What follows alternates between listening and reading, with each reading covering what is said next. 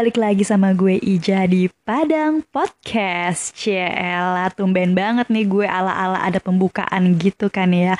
Gue mau sapa-sapa pendengar dulu nih Ciela Sapa pendengar. Udah lama nih kayaknya gue gak absen ya. Absen dari pendengar Bekasi, ada pendengar Bekasi. Kalau pendengar Jakarta Utara, Jakarta Selatan ya kan? Jakarta Selatan, Utara, Jakarta Timur, Jakarta Pusat, Jakarta Barat Ada semua hadir. Ih gue rasis banget, masa cuma Jakarta sama Bekasi doang sih yang disebutin? Gue yakin ya kan se-Indonesia akan mendengarkan podcast ini. Amin ya robbal alamin. Cela gitu. Aduh udah lama gak pembukaan jadi kangen deh aku sama Sobi Padang. Nah by the way in a way best way Hari ini kita mau bahas apa sih? Kangen gak sih sama cerita-cerita aku yang kayaknya tuh aneh-aneh banget sih nih cewek? Kok ada-ada aja sih hidupnya gitu ya? Emang gak pernah berkehidupan uh, secara normal seperti orang-orang layaknya? Uh, Sorry say, hidup gue emang ya gitulah banyak rintangan dan banyak hal-hal yang aneh-aneh. Karena aku tuh orangnya extraordinary, bukan cewek biasa gitu ya Uh, Oke, okay, nggak usah panjang lebar karena gue udah menyapa juga pemirsa, pemirsa semuanya, pendengar ya. Gue mau ngebahas soal baru-baru ini, baru aja, cia. Baru-baru ini baru aja, baru-baru ini baru aja gue, gue mau nge-rap nih. Nggak nggak nge-rap juga sih. Baru-baru ini baru aja gue ngalamin pengalaman yang ya cukup bisa dibilang memalukan or thanksin ya. Kayak yang gengges banget gitu ya.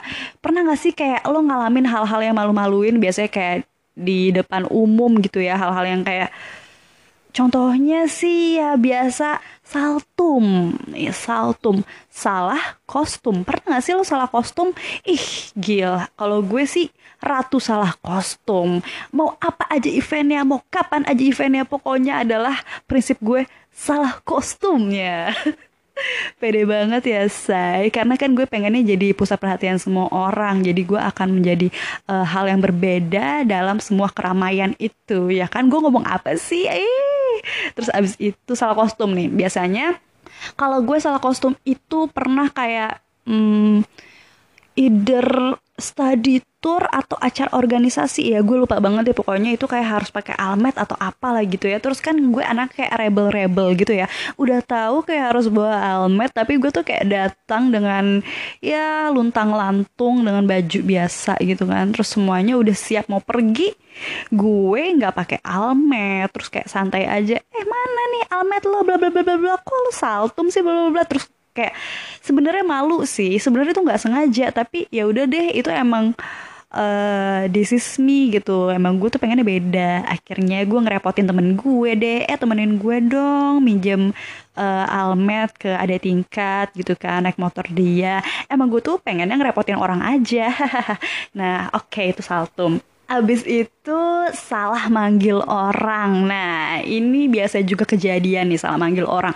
Tapi gue sih nggak pernah sih salah manggil orang. Soalnya gue kayak lebih milih ya diem aja nggak usah nyapa orang. Hahaha. Gue sok sok sok sok baik sok nice gitu. Soalnya kan aku anaknya congkak gitu kan. Kayak jalan-jalan aja. Soalnya gue emang tahu diri shy. Gue kan pakai kacamata nih. Jadi emang mendingan gue tuh kayak jalan lempeng-lempeng aja nggak usah sok sok nyapa-nyapa orang karena aku nggak bisa ngeliat muka dia. Tapi kalau misalnya orang-orang ada yang kayak nyapa gue terus abis itu eh jah gitu. Gak nengok lagi lo atau gimana gitu. Mohon maaf mohon maaf banget nih say karena uh, sebenarnya gue tuh nggak bisa ngelihat muka kalian dengan jelas jadi tolong jangan langsung siap gue anak yang sombong congkak angkuh gitu ya. Kalian ngerti gak sih perasaan sebagai anak yang pakai kacamata tapi tuh kayak pengen trendy aja jadi nggak mau pakai kacamata nggak mau nerdy nerdy gitu. Jadi pengennya ke mana-mana tuh oh gue nggak pakai kacamata. Nggak mau juga pakai softland nggak punya duit. Oke. Okay. jadi intinya gitulah ya. Salah manggil orang tuh lumayan thanksin sih. Temen gue sih pernah. Oh sama nyokap gue baru aja salah manggil gue di mall. Ih malu deh mah. Oke okay, abis itu uh, ketahuan nyontek. Nah, kalau ketahuan nyontek ini, nah, nah, nah, gak pernah juga. Alhamdulillah, aku anaknya anak yang berbakti kepada orang tua, anak yang selalu sering mengaji, anak yang suka beramal, anak yang soleh, dan itu semuanya adalah doa aku aja. Soalnya ya belum terwujud ya. nah, uh, kalau ketahuan nyontek, alhamdulillah beneran gak pernah. Soalnya gue job desknya adalah jadi yang jagain orang yang nyontek. Nah, jadi biasanya tuh gue bukan sumber utama. Kalau misalnya ada orang yang nyontek nih misalkan ada tuh temen lo yang kayak nomor 1 sampai 10 nanya.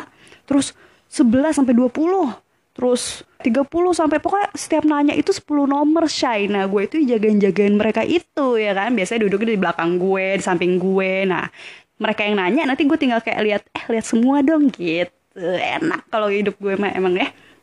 Atau nyontek nggak pernah. Tapi pernah satu masa satu masa satu masa nih ya.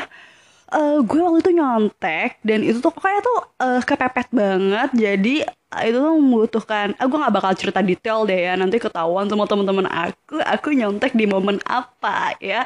Jadi waktu itu intinya gue nyontek lah terus abis itu si dosen gue ini diem diem baik nih sampai uh, jam pelajaran eh kok jam pelajaran sih sampai selesai ujian waktu itu lagi ujian gitu kan. Diem diem baik diem diem baik eh, gue nggak ditegur nggak diapain gitu ya dan gue nggak tahu kalau dia tuh tahu gue nyontek. Tiba-tiba pas keluar nilai gue di KRS udah E aja bro. Gila gue gak dikasih warning Gak dikasih apa Gak diceramahin juga secara personal. Tiba-tiba aku udah E Kayak hidup aku tuh penuh dengan kejutan Dan fantastis gitu. Terus habis itu ya Ya udahlah Alhamdulillah aja Setidaknya aku tidak ditegur di depan umum Gitu kan. Ya udahlah E tinggal ngulang. Ya Habis itu uh, apa mana tadi ya? Kayak hidup saya belum ada yang bahagia bahagianya nih. Oh kita lagi ngebahas ini ya. Hal-hal yang malu-maluin ya. Tadi gue recap lagi. Saltum terus salah manggil orang ketahuan nyontek terus numpahin makanan atau minuman di restoran atau di tempat umum di mana pun itulah ya kalau numpahin makanan and minuman seingat gue sih pasti pernah banget sih ya minimal di restoran. Eh di restoran tuh malu banget gak sih kalau restoran? Gak deh. Gue kalau nggak salah pernah tuh di bioskop sih. Iya di bioskop. Karena kan kalau misalnya lampunya mati tuh gelap banget tuh kan ya. Kalau kita mau makan atau mau minum gitu kan kayak salah-salah megang gitu kadang popcorn agak-agak uh, susah menggapainya gitu ya takut salah megang lain gitu kan. Abis itu pas kita pegang mau ditaruh lagi di tempatnya eh tahu-tahu tumpah gitu. Itu sih pernah sih ya. Terus minuman juga minuman bioskop suka bukan suka sih pernah gue tumpahin juga gitu. Cuman ya jadinya orangnya bete aja sih yang sebelah gue kayak anjrit gue lagi nonton tiba-tiba kok kaki gue becek gitu kan. Oh ternyata mbak-mbak yang semprul ini yang menjatuhkan minuman gitu kan tapi ya nggak kelihatan sama orang-orang karena lampunya mati alhamdulillah. Cuman menimbulkan efek kesal aja sama orang. Uh, apalagi ya? Oh biasanya itu kalau misal lo lupa bawa dompet pas lo mau bayar waduh itu tensinya udah raja terakhir sih. Soalnya kayak aku mau pulang gimana? gitu. Apakah aku harus mencuci piring di sini? gitu. Sementara kayaknya udah nggak ada lagi tuh sistem cuci piring. Yang ada gue harus tetap bayar gimana pun caranya manggil temen call a friend gitu kan. Mau ya apa pun lah segala cara gitu ya Nah lupa bawa dompet, alhamdulillah juga nggak pernah gitu ya. Kalau misalnya uh, lupa bayar, pura-pura cabut duluan itu pernah banget gitu kan. Kayak lagi uh, misalnya lagi nongkrong-nongkrong cantik, abis itu misalnya bareng-bareng sama teman-teman lah gitu ya. Terus abis itu cabut-cabut, eh main cabut, main cabut aja kayak eh duluan ya duluan ya iya. Padahal kayak aku belum bayar gitu. Kayak eh, pernah deh kayaknya sih ya, tapi ya paling cuma sekali lah gitu itu antara nggak sengaja sama mengambil kesempatan dalam kesempitan ya. Abis itu lupa bayar apa lagi ya jatuh sih. Yang paling umum umum tuh kayak jatuh di tempat umum gitu gak sih? Misalnya kayak ya udah jatuh nggak ada misalnya sih. Itu sering banget biasa kalau jatuh gitu tuh kayak sakitnya tuh nggak seberapa but malu di dalam hati ini tuh kayak nggak bisa terobati lagi gitu say. Kayak mau ditaruh mana muka ini? Aku ingin berdiri tapi aku masih kesakitan. Aku ingin tetap berjalan tapi aku diliatin orang gitu kan. Ya biasanya yang gue lakuin kayak Yalah berdiri sok-sok kuat and chin up aja jalan kayak gak ada apa-apa gitu ya say abis itu apalagi ya? Ya itulah yang umum-umum lah ya yang biasa kita kayak thanksin banget sih kalau gue ngelakuin ini gitu. Apalagi ya? Biasanya sih kalau misalnya abis kejadian-kejadian yang bikin thanksin and malu itu gue kayak uh, stay cool aja sih kayak ah oh, nggak pura-pura stay cool aja pura-pura nggak tahu pura-pura nggak ada hal yang aneh gitu kan Soalnya uh, untuk menjaga harkat dan martabat kita gitu kan. Kalau misalnya kita kayak kelihatan mukanya embracing gitu kayak makin diceng-cengin sama teman-teman kita. Tapi tetap aja sih mau lo stay cool, mau enggak tetap aja teman-teman lo kayak haha mampus gitu ya kan. Ya gitu deh pokoknya ya kalau misalnya kita udah thanksin-thanksin gitu yang bisa kita lakuin cuman ya terima aja diceng-cengin di kayak huhu malu lo malu lo gitu sama teman-teman lo gitu kan tapi gue ada sih beberapa hari ini, beberapa hari yang lalu, aduh kayak hidup gue tuh selalu ada aja ya warnanya dalam hidup ini gitu kan.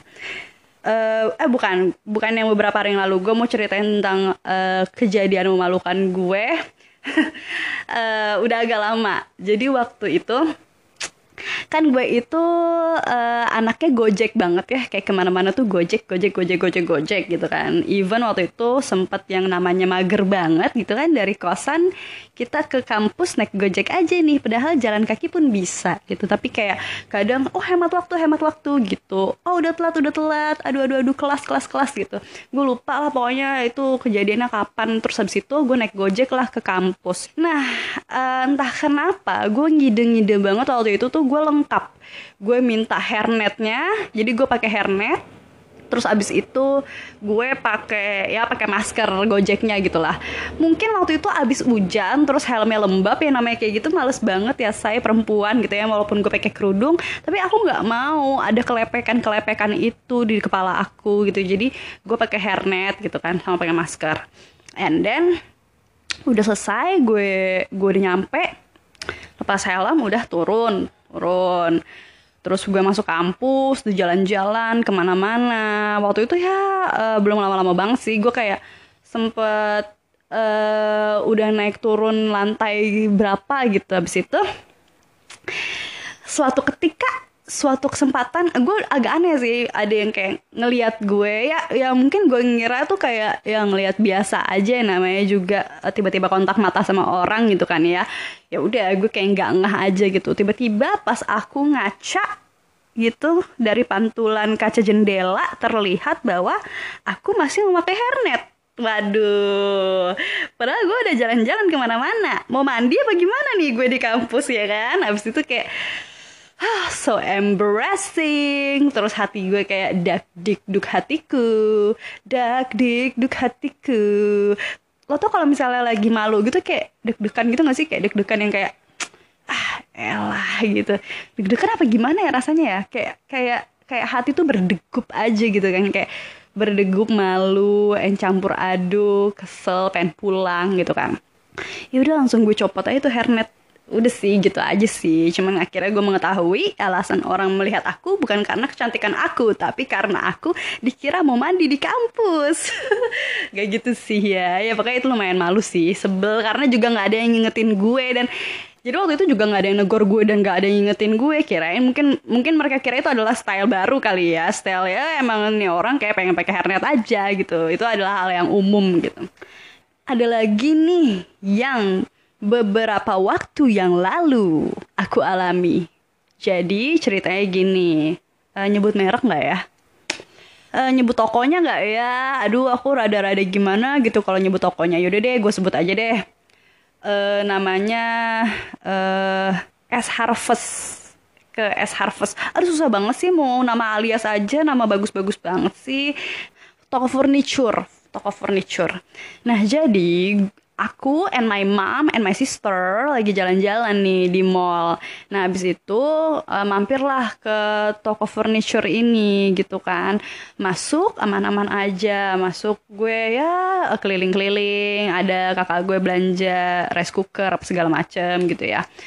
Habis itu pas gue keluar, jadi tuh bukan keluar sih, tapi uh, kayak masih di dalam si toko furniture itu, cuman naik ke lantai atasnya gitu, naik eskalator, tapi, masih di dalam toko furniture itu. Nah, terus habis itu, nah pas mau masuk ke eskalatornya itu ada uh, pintu yang ada alarmnya itu loh. Lo tau kan kayak pintu detektor gitulah ya yang ada yang bisa bunyi gitu lah pintu alarm. Habis itu kita mau naik eskalator itu harus melewati pintu itu dulu. Nah, yang pertama lewat kakak gue nih kakak gue udah bawa udah bawa apa tuh magicom itu kan udah. Set.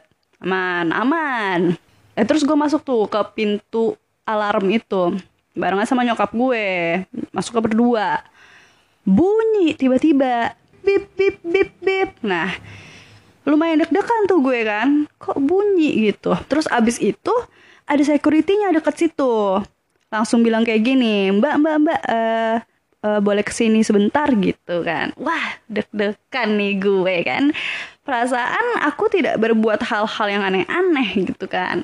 Terus si securitynya itu minta uh, gue sama nyokap gue masuknya satu-satu. Jadi coba lewatin lagi mbak pintunya tapi satu-satu gitu kan. Pertama nyokap gue dulu tuh lewat satu-satu. Set nggak bunyi. Terus langsung gue dengan tangkasnya bilang gini Oh gitu mas, ini pintunya itu untuk deteksi uh, ini ya mas, jarak ya mas. Jadi nggak boleh masuk barengan karena lagi corona. Nah gue dengan ngidenya mikirnya kayak gitu kan, langsung kayak oh karena gue masuk ke barengan kali ya jadi uh, harusnya tuh masuk ke satu-satu kali ya. Jadi biar ada jaga jarak. Kalau misalnya uh, masuk ke langsung barengan langsung otomatis bunyi itu alarmnya. Ternyata securitynya hening aja gue ngomong gitu kayak diam tanpa kata gitu. Abis itu uh, udah coba masuk dulu mbak gitu. And then pas gue lewat lagi set pip pip pip pip pip, pip, gitu. Sumpah bunyi heboh banget dong. Gue langsung kayak what? Apaan nih? Kok pas gue masuk pas gue yang lewat bunyi gitu kan dalam hati gue. Terus gue langsung nanya tuh sama securitynya kok bisa bunyi? Emang kenapa? Gue bilang kayak gitu. Terus abis itu securitynya bilang securitynya ini gue gue deskripsiin ya uh, dia itu kayak cara ngomong itu lamban terus ditanya apa jawabnya tuh apa ya kayak model-model kayak gitulah. Terus abis itu tuh dia kayak agak susah menerangkan dengan bahasa yang lugas jelas dan to the point gitu. Orangnya tuh kayak agak-agak kalau misalnya kita nanya ada jeda berapa detik terus baru dijawab terus lambat gitu. Abis itu gue nanya kan kok bunyi ya mas? E, kenapa ya kira-kira? Gue bilang gitu. Abis itu masnya bilang uh, uh, jadi kalau misalnya itu pas bunyi itu berarti ada label barang yang masih menempel di dalam mbak gitu. Hah label barang apa ya? Terus abis itu nyokap gue langsung nyaut dong orang dia nggak belanja? gitu. Orang kita nggak belanja mas. Maksudnya kan barang belanjanya udah duluan dibawa sama kakak gue gitu. Abis itu kan gue nggak megang apa-apa nyokap gue juga nggak megang nggak megang apa-apa gitu orang nggak belanja mas gitu. Orang nggak ada yang dibawa gitu. Abis itu dia tuh kayak jeda terus dia jelasin lagi pelan-pelan e, iya biasanya ada mungkin ada label yang masih menempel di tasnya mungkin mbak gitu kan. Oh I see gitu. Gue gue langsung kayak Oh maksudnya label yang menempel di tas gue. Otomatis mungkin dikiranya itu tas baru apa kayak gimana gitu kali ya. Sementara itu tas lama sebenarnya.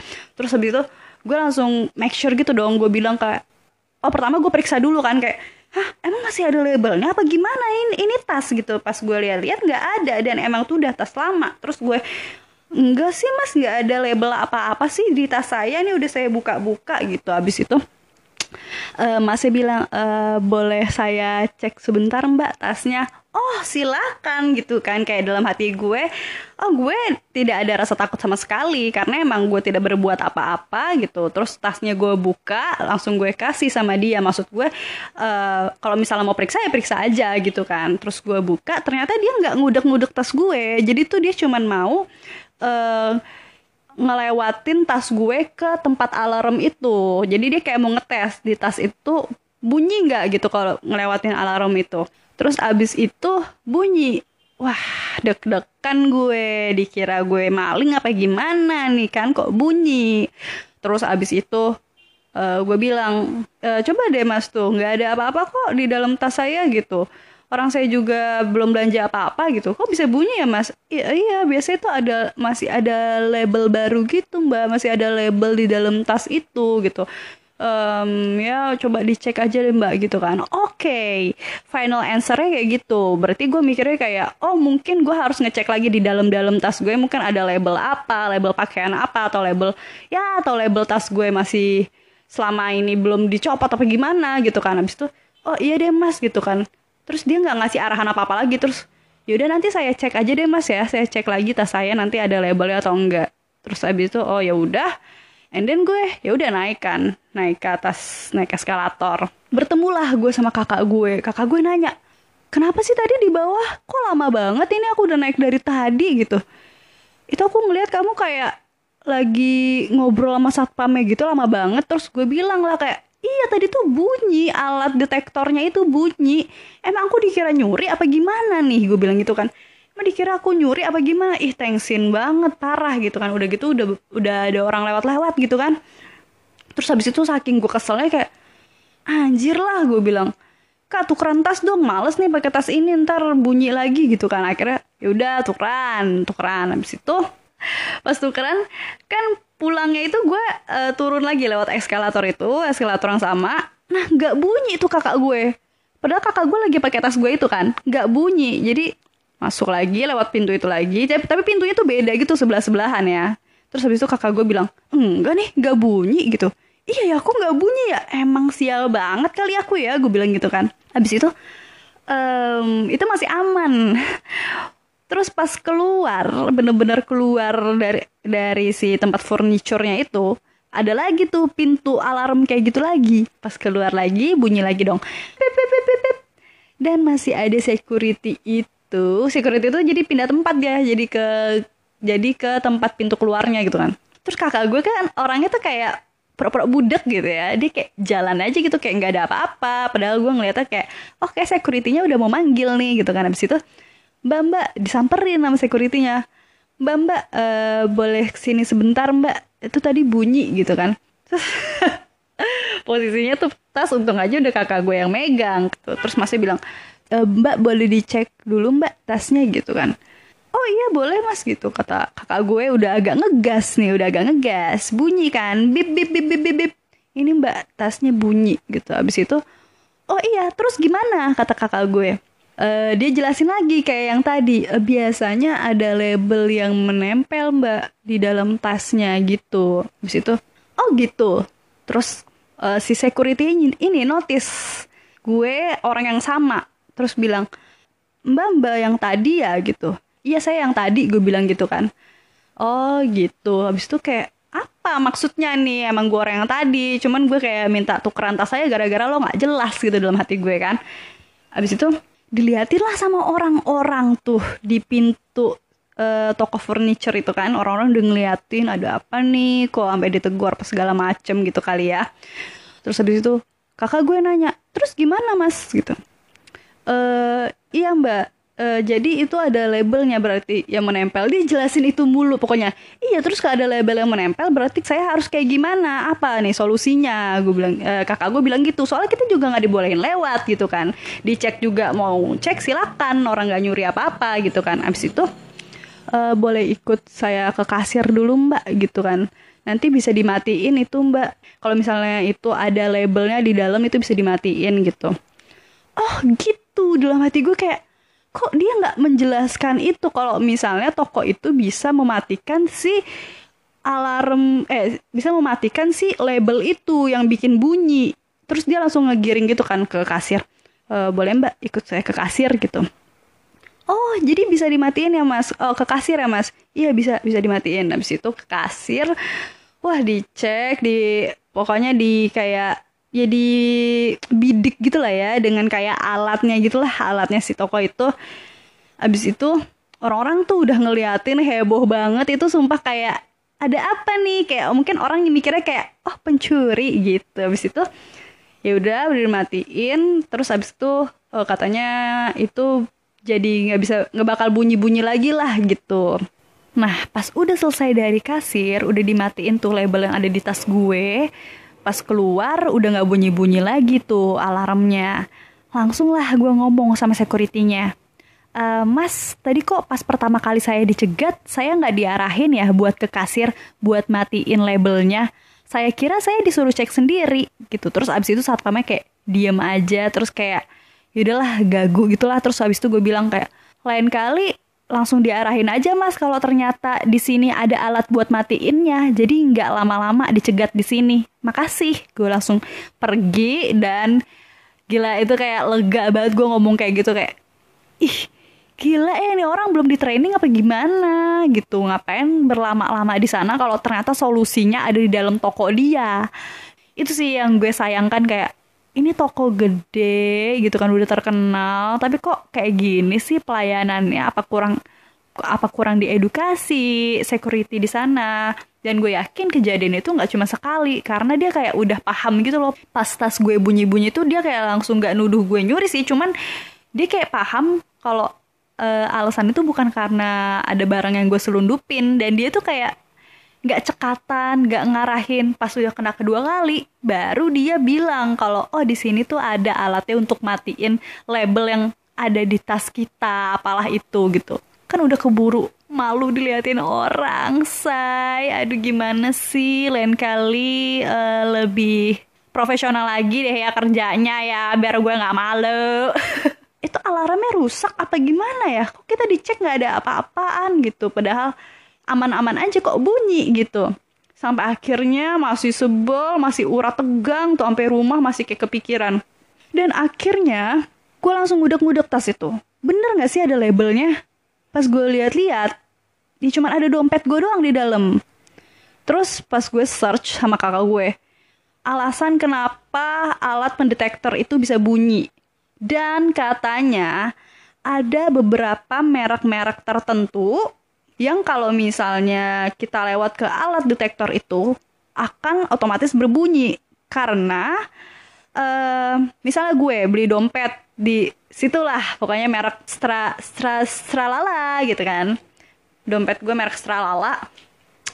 Nah si toko stralala ini meletakkan label tanam di dalam dompet gue. Jadi kata artikel kayak gitu. Jadi ada ada beberapa brand, beberapa dompet, kayak Zara juga termasuk ya, gue lupa deh. Beberapa brand yang dia itu meletakkan label tanam di dalam dompet atau tasnya itu. Dan itu tuh kayak dimasukkan ke dalam jahitannya gitu. Jadi emang gak kelihatan sama kita emang ditanam. Tujuannya adalah katanya untuk mencegah hal-hal yang tidak diinginkan. Misalnya pencurian apa segala macem. Walaupun gue kayak rada nggak begitu fungsional sih sebenarnya adanya label tanam itu buat si konsumennya ya.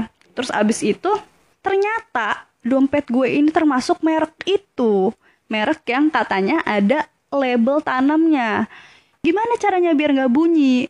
Caranya adalah kita harus ke toko itu dan minta untuk si label tanam itu untuk dimatiin. Jadi kayak seribet itu dan gue baru tahu kalau semua itu kayak lebih ke hal yang bikin gedek sih. Soalnya itu bukan dari kesalahan kitanya tapi eh apa ya mungkin kurang kurang pengetahuan dari si security dan dari gue nya juga. Karena kalau misalnya di beberapa toko tertentu ada yang bunyi-bunyi kayak gitu kadang udah dikasih tahu sama securitynya atau sama kasirnya bilang oh mbak punya uh, tas dengan merek ini enggak atau oh ada dompet dengan merek ini nanti dia sebutin tuh mereknya ada ini ini ini ini nah itu biasanya ada label tanam yang belum dimatiin mbak. Nah ada tuh toko yang sudah teredukasi kayak gitu ngejelasin kayak gitu.